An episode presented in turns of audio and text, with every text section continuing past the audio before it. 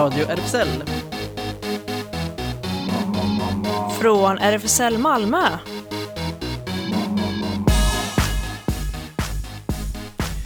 Välkommen till Radio RFSL, Riksförbundet för homosexuella, bisexuella, transpersoner, kveras och intersexpersoners rättigheter.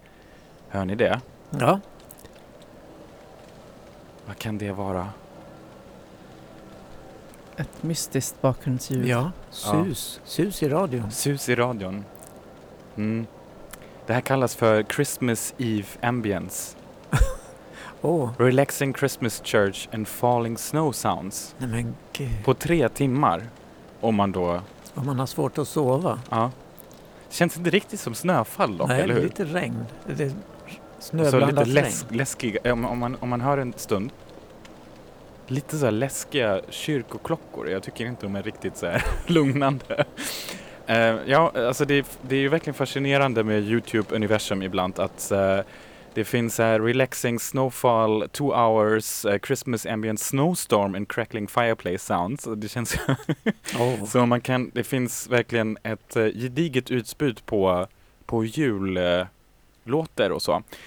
Däremot här inne på radion så eh, kommer jag, Jonas, Ellen och Claes kanske inte prata så jättemycket jul just idag, eller hur? nej, det gör vi inte. Nej. Helst inte alls. Nej. Nej, men Även däremot, längre fram. Nej, precis. Däremot ändå om något annat som också oftast kopplas ihop med färgen röd. Och det är World nämligen AIDS Day. Exakt, det Som- var den som hände igår egentligen. Yes. Och eh, vi ska prata om det idag bland annat. Eh, ja, ganska intressant just med tanken på att vi lever i en pågående pandemi och att man då liksom är nära på att knäcka världsrekord för ett vaccin. Eh, på, På ett år har man gjort på det. ett år har man gjort det. Men På 40 år har man inte lyckats få fram tillstymmelsen till vaccin för Nej, AIDS. exakt. Och man kanske kan ju fundera lite kring vad det kan bero på och så. Ja. Ehm, ja, vad har vi mer i bagaget? Malmö Pride har haft medlemsmöte, tänkte jag berätta lite om. Just det. Och sen har vi eh, ett tada, liten pågående upcoming radio special här på Radio RFSL. Seniorprojektet har nämligen nu eh, några filmer ute. Så lite korta berättelsefilmer som kallas för Röster, röster från Seniorprojektet. Väldigt spännande berättelser, bland annat du Claes har också med din egen. Det kommer jag. Precis, och eh, vi från radion här kommer ju presentera en eh, special series då där vi har i full längd intervjuer och musik från eh, olika deltagare från seniorprojektet som berättar bland annat om ja, hur det då var att vara homosexuell på 50, 60-talet, 70-talet och alla liksom tider vi har levt igenom. Och idag får vi höra Meri berätta. Precis. Men låt oss börja med lite eh, musik här av Buskabulla Tartaro.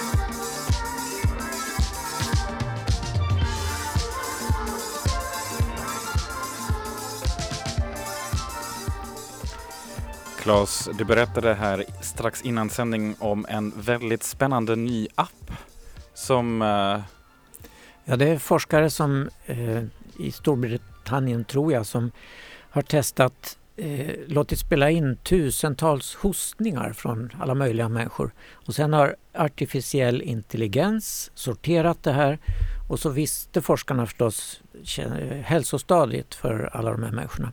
Så de som hade covid, deras hostningar var för sig och de andra. Så nu tror de att de kan göra en app där man kan hosta om man känner sig orolig och då få reda på om man har covid eller inte. Det låter ju väldigt mycket enklare än att ta en massa prover som ska skickas till laboratorier. och Just det, speciellt med den här pinnen som alla Ja, gud. klagar på så att den Äckligt. känns som att man stoppar upp dem i hjärnan liksom.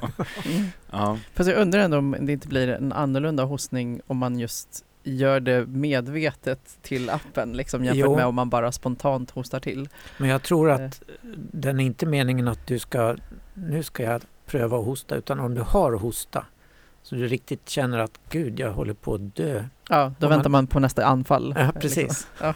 just det. Nu, nu måste appen spela in. Ja, Ja, men det är väldigt intressant just med tanken på det här året eh, där man, ja, tänker nu kanske tillbaka till mars där det var så här åtta konstaterade fall av covid-19 här i Sverige till exempel i början och så tänkte man, ja, men här är ju inte så mycket framöver tills man helt plötsligt eh, har så otroligt många fall plus att man helt plötsligt snack, eh, nu har ett land som Storbritannien som då som första land förmodligen nu kommer att vaccinera sin befolkning. ja Ryssland har ju redan börjat. Ja, just det, den, eh, den mys- mystiska Mm. vaccinen där. Men eh, saken är ju att man redan i mars då snackade om att ja, men alltså vanligtvis så tar det ju minst fem år egentligen att ta fram ett vettigt vaccin som ska vara som, ja, som hjälper och liksom är effektiv också. Eh, och då kan man ju undra eh, faktiskt hur det har gått för andra pandemier och andra virus eh, som fortfarande finns. Och en, liksom ett av de virusen som eh, fortfarande inte går att bota på det sättet och det finns inte heller något vaccin är ju hiv, eh, HI-viruset. Och eh, med tanken på att det var World AIDS Day igår var det, blev det mycket uppmärksamhet också kring det här att just det, det fanns ju en annan pågående pandemi också som kanske inte lika närvarande just här i Sverige på samma sätt i och med att det finns så pass bra hiv-mediciner att man eh, kan fortfarande leva ett normalt liv. Och att eh, ja, själva sjukdomen liksom eh, kan kanske inte botas men när man tar sina mediciner så, behöver, så kan man inte överföra hiv vidare. Eh, Det uppskattas att 33 miljoner människor har dött i aids-relaterade sjukdomar sedan viruset upptäcktes i USA på 80-talet. Och de minns man då på världs-aids-dagen. Och trots hiv-virusets dödlighet finns det ännu då inget vaccin och det var alltså också frågan som bland annat finska tv-kanalen YLE ställde sig. Hur kan det vara så att det går att utveckla ett vaccin mot covid-19 på mindre än ett år medan vaccinet mot hiv ännu lyser med sin frånvaro? Um, och det går ju långsamt men jag tror också att det här är någon riktigt så lite mer djupgående forskningsfråga för att när man undrar varför det inte finns så här en vaccin för det här viruset men det finns ett ja, vaccin för ett annat virus då måste man ju också gå in och förstå lite grann hur vacciner fun- fun- fungerar egentligen. Och um, i vanliga fall så är ju vacciner att man man får en sån spruta när man tänker också som barn så får man ju liksom en liten modifierat antal av det här specifika viruset liksom som immunsystemet då ska reagera på. Och så som jag har förstått det, jag vet inte hur, hur, hur långt era forskningsinsikter har kommit där, men eh, covid-vacciner funkar inte riktigt så liksom. Det är en modifierat RNA, man har ju tagit något av de här, den här RNA som man då, eh, ja precis, injicerar liksom i kroppen. Och eh, just med, med hiv verkar det vara att just att kroppens eh, försvarssvar liksom kickar in mycket, mycket senare. Så det är tydligen mycket svårare att hitta något vaccin där antikropparna de bildas mycket senare än kanske just med eh, covid-19 där de bildas direkt. Liksom. Så det, det, det är ganska komplext när man tänker på hur vaccin framtas och ehm, ja, det ger liksom hiv-medicinerna har däremot utvecklats i snabb takt faktiskt sedan de kom ut på marknaden. Och eh, med just hjälp av medicinering kan hiv-positiva idag leva ja, ett vanligt liv faktiskt utan att lida av biverkning av medicinen, vilket är ju en jättestor framgång när man tänker på att det är väldigt kraftiga mediciner. I början var det ju katastrof. Folk blev ju jättesjuka av medicinen. Ja, hur, eh, hur ser det ut med RFSL? De har ju också tagit lite ställning till världs-aids-dagen igår då. Mm. Inför världsaidsdagen presenterade RFSL en ny undersökning. 86 procent saknar kunskap om att välbehandlad hiv inte är smittsam vid sex. Okunskap för, föder stigma. 86 procent vet inte att omätbar hiv är lika med oöverförbar hiv. Det är upprörande att det ändå inte finns några statliga medel för informationskampanjer till allmänheten, säger Deidre Palacios, förbundsordförande för RFSL. RFSL gav Sifo i uppdrag att undersöka allmänhetens kunskap om att välbehandlad hiv-infektion inte är smittsam vid sex. Tusen personer svarade. Svaren visar att det är många som tror att hiv kan överföras även om en person har en välfungerande behandling. Bara 14 procent vet att det inte är någon risk för hiv-överföring. Det innebär att 86 procent saknar rätt kunskap. 5 procent tror till och med att risken ökar vid behandling. Cirka en tredjedel svarar att de inte vet. Generellt sett har yngre mer kunskap än äldre kvinnor kan ha mer än män. Och eh, man kan se hela undersökningen då som vi länkar till. Precis, så det är ju verkligen intressant att, eh, och det kanske vi, ja, jag vet inte, jag kan också tänka mig, det kan man ju bekräfta att det är verkligen, det, det finns ju ett otroligt stigma kring det fortfarande som eh, eh, jag tror, kanske, jag vet inte Klas, den äldre generationen, de är ju, alltså det som jag förstått är så här mycket mer tacksam över att man får den där behandlingen och att det liksom folk inte behöver dö i aids längre och när man tänker på 80-talet när folk bara försvann Ja, gud. liksom. Så många vänner som bara försvann då. Det Mm. var ju en välsignelse när Ja. medicinen kom även om den hade biverkningar. Ja. Men jag tänkte också så själv att eh, kanske på något plan så även nu under covid liksom att man, att man tänker att kanske rädslan för hiv bland eh, böga män är liksom tror jag fortfarande större än själva covid eller corona. Ehm, för det, det ser man ju liksom, folk har ju ändå träffats och dejtats och liksom det verkar inte vara en sån rädsla liksom för corona på det sättet men hiv är ju liksom så Vilket är absurt. Ja, och samtidigt har man ju också noterat att en ökning av gonorré och klamydia, men ja just det, för man kan ju ta antibiotika, men då tänker man liksom inte kring antibiotikaresistens, att det kanske inte är så kul om man skulle råka få gonorré fem gånger om året och ta lite antibiotika liksom. Mm. Så det, ja, det är väldigt intressant undersökning, så man kan verkligen rekommendera att eh, gå in i den här rätt så folkbildande undersökning av RFSL. Ja visst, och vi kan också tipsa om eh, HIV Sverige som gjorde, har gjort en rapport om långsiktig och hållbar hälsa för personer som lever med hiv. Sverige har historiskt varit i framkanten av hiv-behandling men har på senare år sänkt garden tyvärr och vi riskerar nu att inte leverera på FNs globala mål för hållbar utveckling där ett av målen är att eliminera hiv-aids till 2030. De utmaningar som eh, HIV Sverige ser inom hiv, utöver att Sverige har sänkt garden, innefattar att åldrande och följdsjukdomar spelar in. Och uppskattningsvis 10% av de som lever med hiv i Sverige är inte varse sin hiv-status och Sverige är fortfarande ett av de sämsta länderna i Europa på att upptäcka hiv i ett tidigt skede. Det är ju märkligt. Och hiv bland migranter i Sverige bland annat på grund av svårigheter med budskap kring hiv på grund av stigmatisering i gruppen är ett problem och låg kunskap då om hiv i primärvården.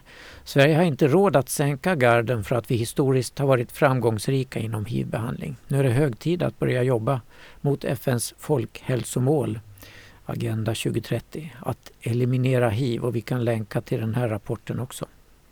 Och man kan ju också hänvisa att om man har frågor eller om man oroar sig för hiv och aids så kan man alltid vända sig till RFSL Rådgivningen Skåne. Där finns det info, kuratorer och testmöjligheter och lättast att kolla in kanske hemsidan rådgivningsskåne.rfsl.se. Och igår på världsaidsdagen släppte också eh, visartisten Tina Wilhelmsson Eh, låten Torsdagen den tredje. En låt som är baserad på Axel Liljas dagboksanteckningar från det första dygnet efter beskedet om att han lever med hiv. QX pratade med henne om låten faktiskt. Hej Tina! Du ger ut en speciell låt nu till världsaidsdagen. Berätta! Ja, det är en fantastisk låt. Det är en singel som heter Torsdagen den tredje. Eh, texten är baserad på Axel Liljas dagboksanteckningar från de första dygnet efter beskedet om att han lever med hiv. Det var starkt att få ta del av texten som Axel skrev när han var mitt i en kris. Han är oerhört modig som delar med sig av sin berättelse på det här viset. Det blev en väldigt svängig låt tack vare min kollega Niklas Gustafsson som gjort musiken. Hur kom du och Axel i kontakt med varandra? Jag spelade i Piteå för några år sedan och efter min spelning så föreläste Axel. Jag hade egentligen bråttom iväg men han kunde verkligen inte slita mig. Eh, Axel är en mycket klok person och en lysande föreläsare. Han jobbar hårt med att få bort stigmat kring hiv. Jag är väldigt imponerad över det här, eh, det han gör och jag kände att jag ville berätta om honom. Den här låten är den tredje i det som heter Visa verkligheten volym 2, Queer realitet. Kan du berätta mer om det projektet? Visa verkligheten är ett koncept där jag samlar in berättelser genom att intervjua människor och sen gör jag musik utav materialet. Jag samlar berättelserna kring olika teman där volym 2 eh, Queer realitet innehåller berättelser från hbtqi-personer. I Queer realitet finns även låtar eh, om Preti som är eh, transgender och har förlorat ett barn och Amanda som genomgått en könsbekräftande behandling och är pappa till två barn. Och vi lägger ut en länk så du som lyssnar nu kan se videon som hör till låten. Och så här låter torsdagen den tredje.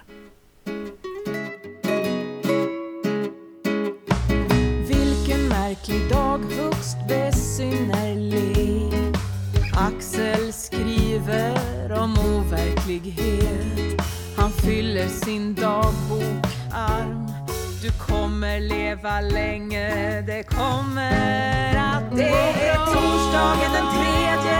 Han vill vara i Barcelona. En myllrande stad som är full av liv. Han vill dela sin ångest med Moa och mannen. Barcelona skulle ge honom nya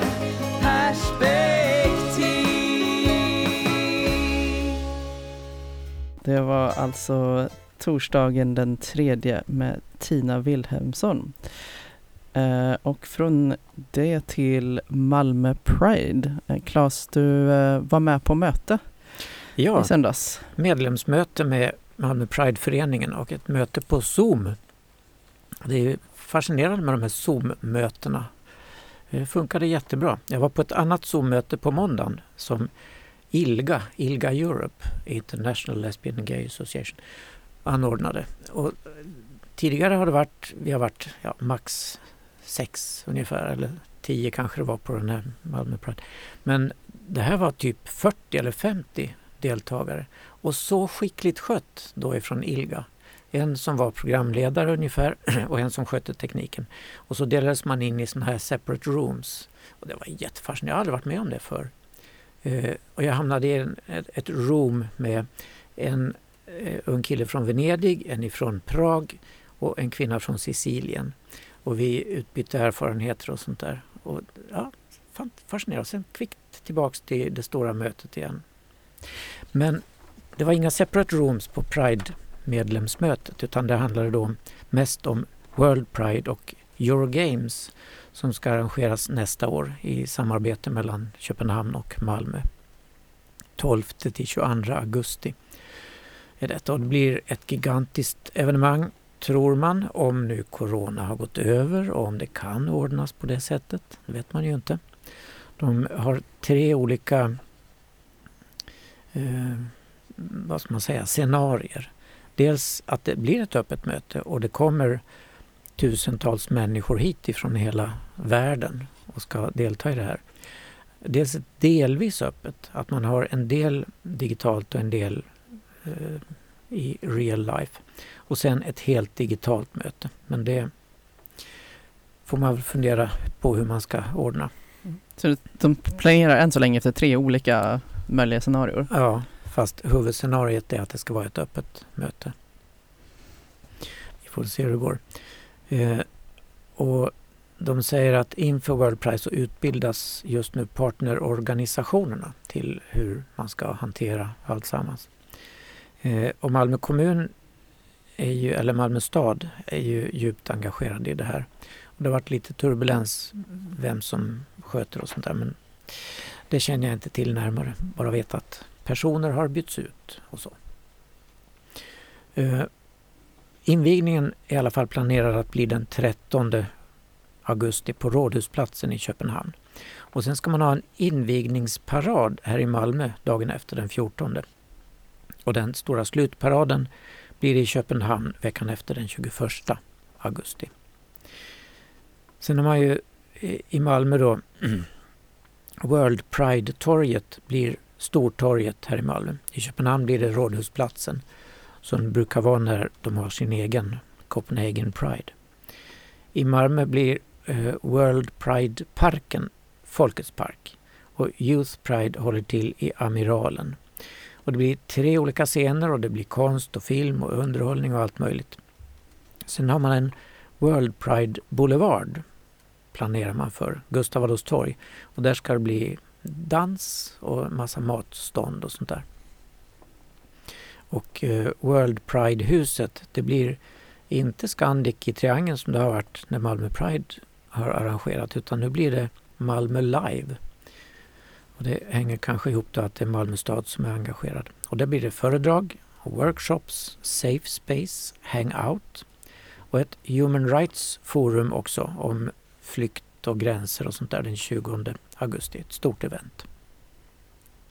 Eurogames kommer då den här mm, typ massa olika tävlingar som arrangeras. 29 olika sporter totalt och fyra av dem är i Malmö.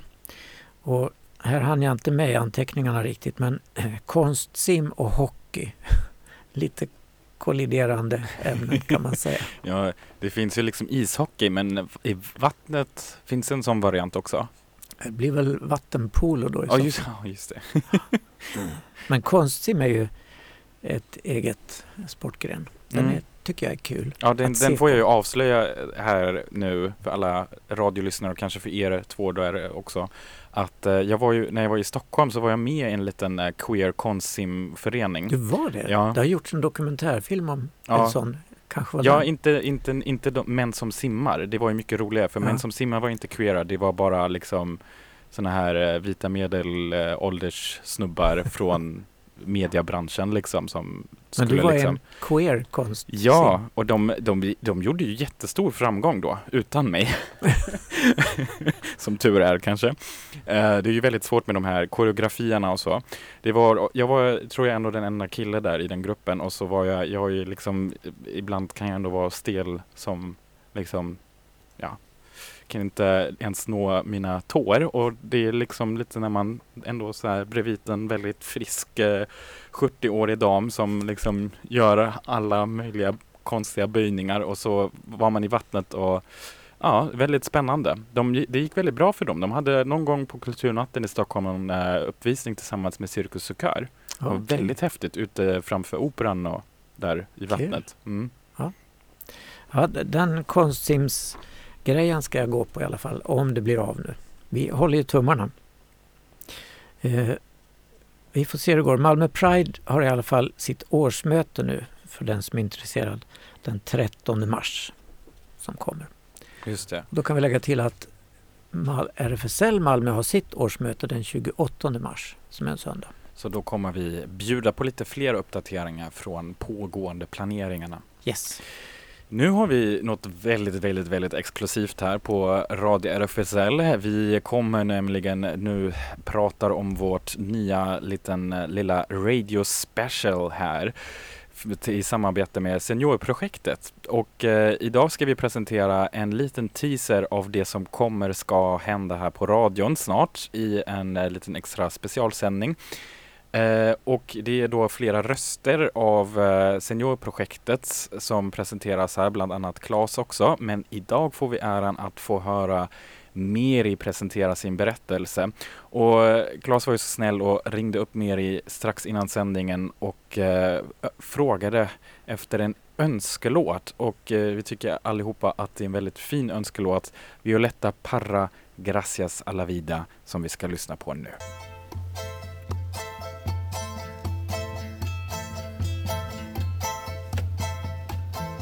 Gracias a la vida que me ha dado tanto, me dio dos luceros que cuando los abro, perfecto distingo lo negro del blanco y en el alto cielo su fondo estrellado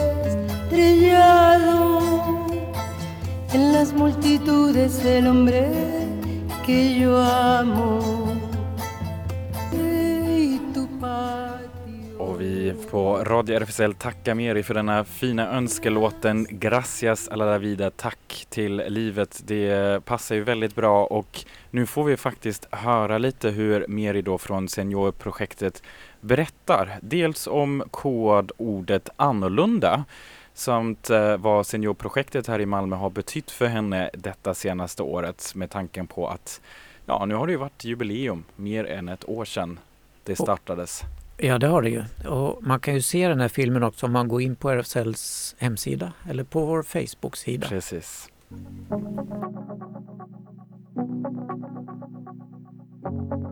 Jag heter Mary och jag är född i Finland. Jag var fosterbarn till nioårsåldern och sen flyttade jag till mor. Eller hon hämtade mig, och, eh, men fosterfar var krigsskadad, alltså en prickskytt med eh, dåliga nerver så att eh, han gick hårt på henne så att vi fick fly därifrån. Och så flydde vi då till Helsingfors. I Helsingfors eh, fick jag en ny stufa. Och eh, ju äldre jag blev och när eh, brösten började utvecklas så började han att klämma på dem och inte lämnade mig i fred. Jag sa till min mor att det här går inte. Jo, då det är så att vara kvinna, eh, att bli tafsad, alltså, helt enkelt. Så det växte fram en eh, längtan hos mig att eh, nej, jag måste härifrån, jag måste härifrån. För att annars hade jag åkt in i ungdomsårsskola, för det var ju kriminellt i Finland. Eh, Att vara homosexuell eller lesbisk eller överhuvudtaget eh, annorlunda. Och jag åkte så långt jag kunde till Helsingborg. Och det var där vi eh, träffade andra, andra tjejer som gillade tjejer. Man sa inte så ofta lesbisk överhuvudtaget, men eh, tjejkompisar. Det fanns eh, sådana veckotidningar och så skrev man där då, eh, eh, undertecknade man annorlunda. Annorlunda tjej söker en kompis eller, eller, eller här är en tjej som tycker om det och det och det och det och så eh, annorlunda. Så, så det, var, det var liksom eh, vår hemlighet kan man säga. På så sätt kunde vi eh, få kontakt brevledes med varandra. Jag, jag, det var rena turen att jag började prenumerera eh, eh, en tidning och där stod en eh, annons att eh, det var en träff här eh, en viss dag. Och det fastnade i mina ögon så tänkte jag, now or never. Nu ska jag åka dit. Eh, det är slut med att bara sitta och prata med hönsen. Och jag tycker att det, det har varit jättebra. Och så kom corona. Då förstod jag att eh, det var ännu viktigare för, för, för min hälsa, för min mentala hälsa och det att man kan utbyta eh, åsikter och känna sig, känna sig mycket lättare. För att eh, man orkar ju inte spela några roller någonstans, jag är trött på det. Och det behöver man absolut inte göra här. Så det har varit, eh, kan man säga, på ett sätt livsviktigt. Ja, tack Meri. Det har varit en, en sann ära att få lära känna dig måste jag också säga här. Eh, och när Meri pratar om här så menar hon på RFSLs lokal, Stora Nygatan 18. Det var där vi spelade in de här små filmerna. Och ute på våra sociala medier ligger nu Meri och Lasse Hector som har spridit den på alla sina lokala medier, eh, sociala medier också förstås. Och eh, filmen om mig kommer ut på fredag tror jag. Just det. Och sen är det här då alltså en liten kort fem minuters teaser på en lite längre intervju då, så som man bland annat vill höra hela Meris berättelse så får ni hålla utkik på Radio RFSLs Instagram och Facebook-sida och alla sociala kanaler för att vi kommer då i ett utförligt program tillsammans, kanske med hennes önskemusik, eh, presentera hela berättelsen som är väldigt, väldigt spännande.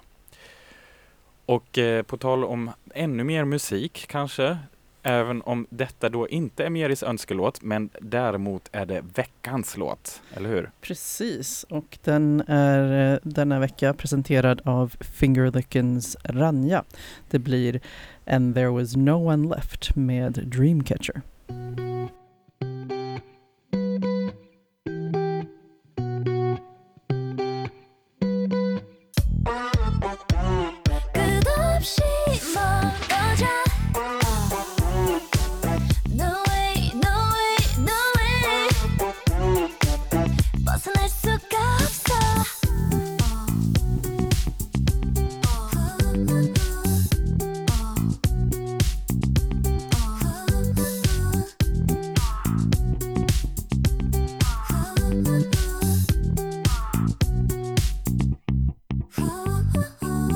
Det var alltså And then there was no one left med Dreamcatcher. Tipset kom från Fingerlickens Ranja och det tackar vi för. Radio RFSL.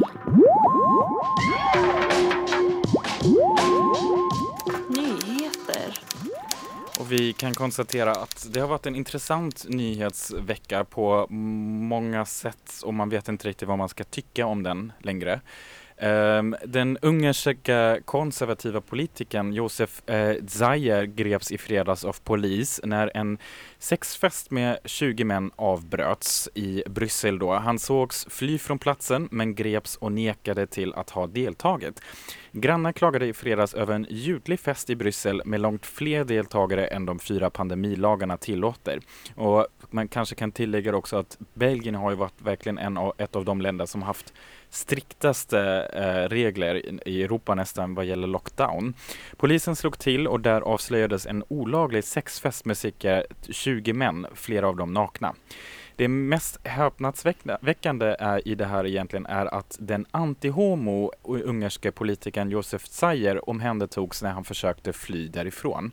Anledningen till att Josef Zaje flydde från festen är troligen för att han har en framträdande roll i presidenten Viktor Orbáns parti Fidesz som propagerat starkt emot hbtq-personer. Zaje var bland annat med i arbetet att skriva om den ungerska konstitutionen 2011 där äktenskapet definieras som endast mellan en man och en kvinna. Han är själv gift och har barn och i samband med gripandet har han gått ut och bett om ursäkt till sin familj, sin, sina kollegor och de som röstat på honom. Han ska också avgå som EU-parlamentariker och från alla sina politiska poster. Tänk att de är så vanliga, de här anti-homo som i själva verket är det då. Ja, man bara råkade gå förbi Ja, den här sexfesten, eller hur? Ja, Oopsie. drogs in mot sin vilja. Eh, Jair Bolsonaro är ju ett annat problemämne i Brasilien. Men stödet för honom börjar för första gången vackla. Oppositionen växer sig större och i dess mitt står faktiskt en svart transkvinna, Erika Hilton. När Bolsonaro blev vald till Brasiliens president för två år sedan skedde många stora förändringar. Landet hotade att lämna både FN och Parisavtalet och gav stöd åt Polens och Ungerns högerkonservativa politik. Men sen Donald Trump förlorade valet har även Bolsonaros stöd börjat svikta. Av de 45 borgmästarkandidater som Bolsonaro stödde i kommunalvalen nyligen så förlorade 33 Hans son Carlos Bolsonaro fick 15 000 färre röster än PSOLs kandidat som fick flest röster i den staden. Erika Hilton har valts in i kommunfullmäktige i Sydamerikas största stad Sao Paulo. Som första svarta transkvinna att göra detta blir hon historisk. Jag är ett svar på den konservativa fascistiska politik som Bolsonaro driver, säger hon. Han är livrädd för mig. Bara min kropp får honom att skaka. Och det säger hon till Dagens Nyheter. Erika Hilton blev utslängd av sin familj när hon var 14 år och kom ut som transsexuell. Hennes mamma var djupt troende och pastorn i hennes församling menade att Erika hade blivit besatt av en demon. En demon som måste drivas ut. Erika hamnade på gatan, prostituerade sig och var i ett skadligt medberoendeförhållande. Hon bodde på gatan i sex år men sen insåg mamman att hon gjort fel och de försonades. Då valde Erika att börja studera pedagogik på universitetet och tog plats långt fram i ledet i kampen om transrättigheter. När hon var 22 år kontaktade det radikala vänsterpartiet PSOL, eh, Socialist och frihetspartiet, eh, kontaktade henne och nu fem år senare är hon historisk. Ett av de tyngsta namnen i Centerpartiet, Fredrik Federley, skriver nu på sin Facebook att han lämnar politiken. Detta av anledning att han mår dåligt och att en närstående begått grova allvarliga brott. Det skrivs på vissa sajter nu att en person som tidigare stått mig nära är dömd för ett oerhört allvarligt brott. Det är tyvärr sant. Det brott han har begått är rakt igenom fruktansvärda, obeskrivliga och helt oförlåtliga. Vi har nu gått skilda vägar, skriver han på sin Facebook. På grund av att han mår dåligt kan han heller inte fokusera på politiken, skriver han, men att han har fått stöd av vården och träffat en psykolog.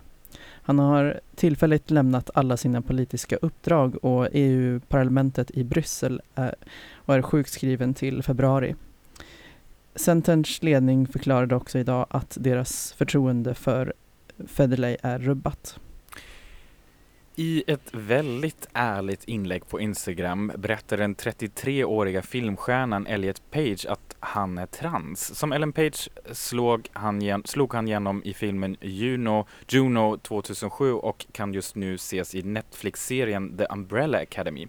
Skådespelaren kom ut som lesbisk 2014 och gifte sig 2018 med flickvännen Emma Portner.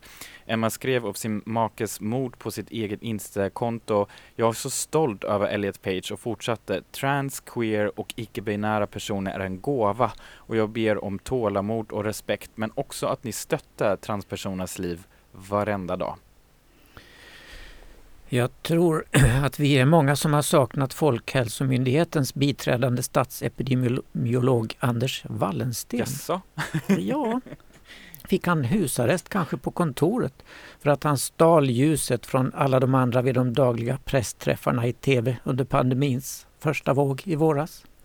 Eller för att ingen mindes vad han egentligen sagt efter att ha förirrat sig in i hans lugna blick och perfekt skäggstubbiga ansikte.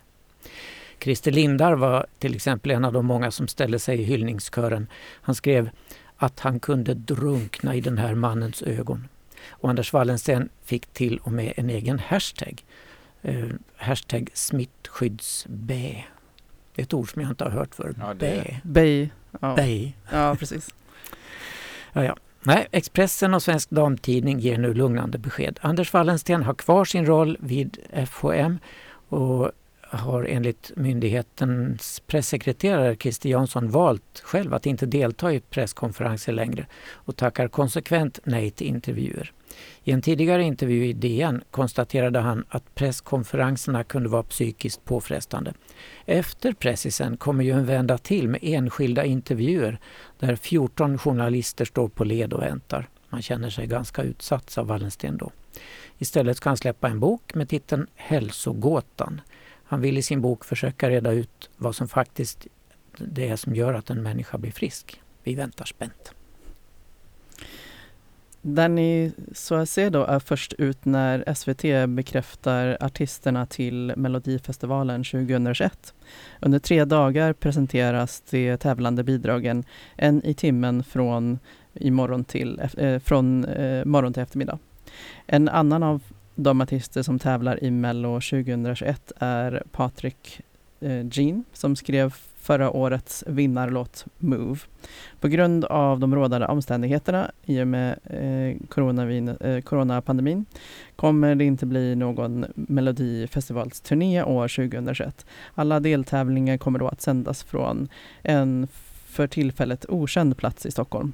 SVTs VD Hanna Stjärne kommenterade att det kommer bli en melodifestival som arrangeras på ett ansvarsfullt sätt. Projektledaren för Melodifestivalen, Anette Helenius, har uttalat att Melodifestivalen 2021 kommer att sändas utan publik. Hittills är 18 artister presenterade. Imorgon får vi veta det återstående. Bland de som redan presenteras märks Arvingarna, Eva Rydberg och Eva Ros. Eh, Mustasch, Anton Ewald, Charlotte Perrelli och Frida Green. Och till slut här i nyheterna kan vi berätta om Darin eh, med ett känslosamt inlägg på sociala medier berättade häromdagen att han snart vill se sin publik igen. Han satsar på en unplugged turné till hösten, nästa höst antar jag då, i förhoppningen att coronakrisen då är över. Han ackompanjerade sitt meddelande med en balladversion av sin egen låt En säng av rosor. Låten beskriver känslorna från en relation han var i för ett par år sedan och som sorgligt tog slut.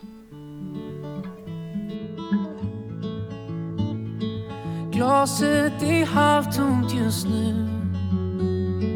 Halvfullt om du varit här. Jag ska göra en säng av rosor. Jag ska tända varenda ljus. Jag ska spela den musiken som du alltid brukar sjunga. Radio RFSL. Det händer.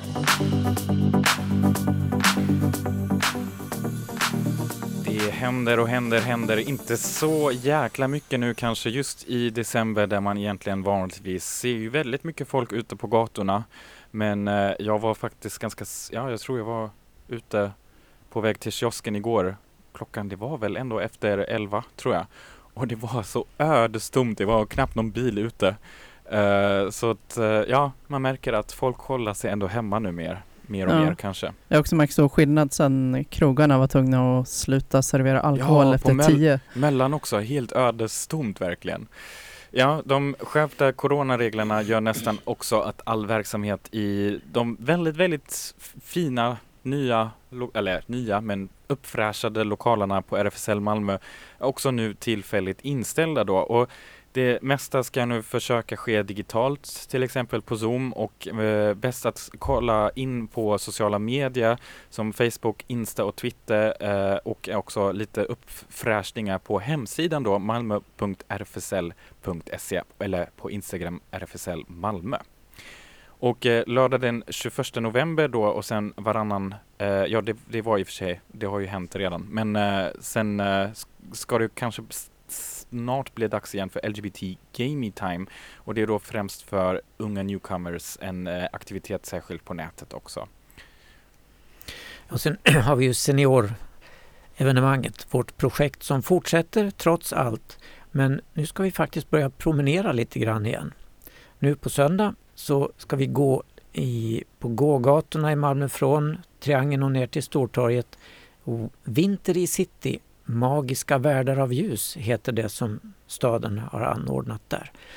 Och det ska vi titta på tillsammans och nästa söndag ska vi ha tipspromenad i Rörsjöparken med en egen liten konsert faktiskt. Oh. Mm. Trevligt. Mm. Och Habitat Q, eh, ungdomshänget eh, som i vanliga fall träffas måndagar och onsdagar 17 till 20 och det är för alla mellan 13 och 19 år. Samling måndagar nu på Fryshuset, Sofielundsvägen 5 för promenad och parkfika. På onsdagarna är det digitalt häng eh, och för att hålla sig uppdaterad så kan man också gå in på Facebook eller Insta eh, snabel habitat understreck Q. Och vi kan också snabbt igen tipsa om eh, Kukkunskap Deluxe, ett eh, digitalt event via Zoom den 9 december som hålls av RFSL Rådgivningen. Rådgivningen då har ju anordnat eh, liknande event, den här Fit Fakta Deluxe gillar jag också, och eh, bisexualitet i människan och samhället. Och det är ett initiativ som ingår i höstens sex och lustprogram och det ligger faktiskt kvar på Facebook-sidan så man kan titta fram till januari även på de andra då. Um, så det är bara att gå in på RFSL Rådgivningen på Facebook. Eh, RFSL-förbundet har också förstås seniorprojekt och där har man en samtalsgrupp för äldre som körde igång förra veckan och nu imorgon är nästa evenemang.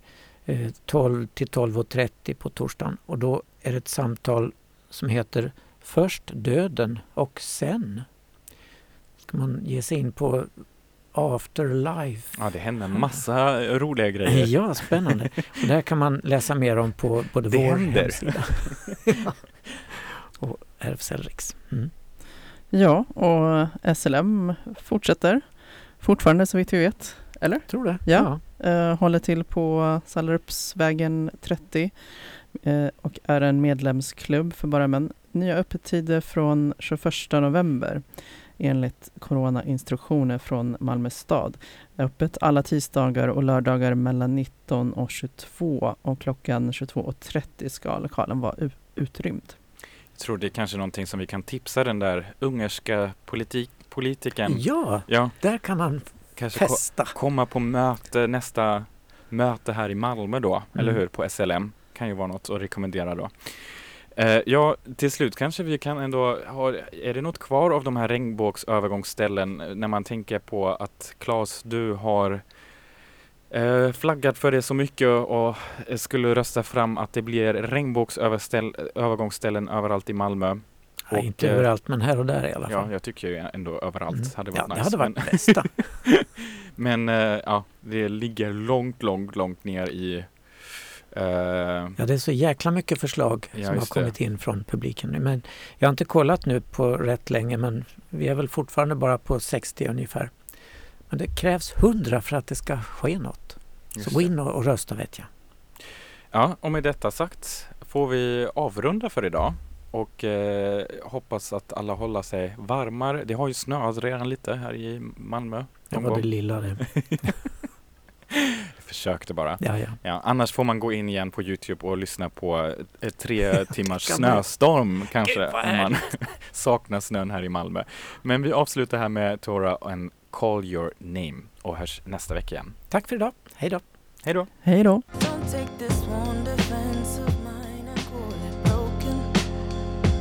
Habits of holding shots and claiming I was chosen. We wait Shorter. I.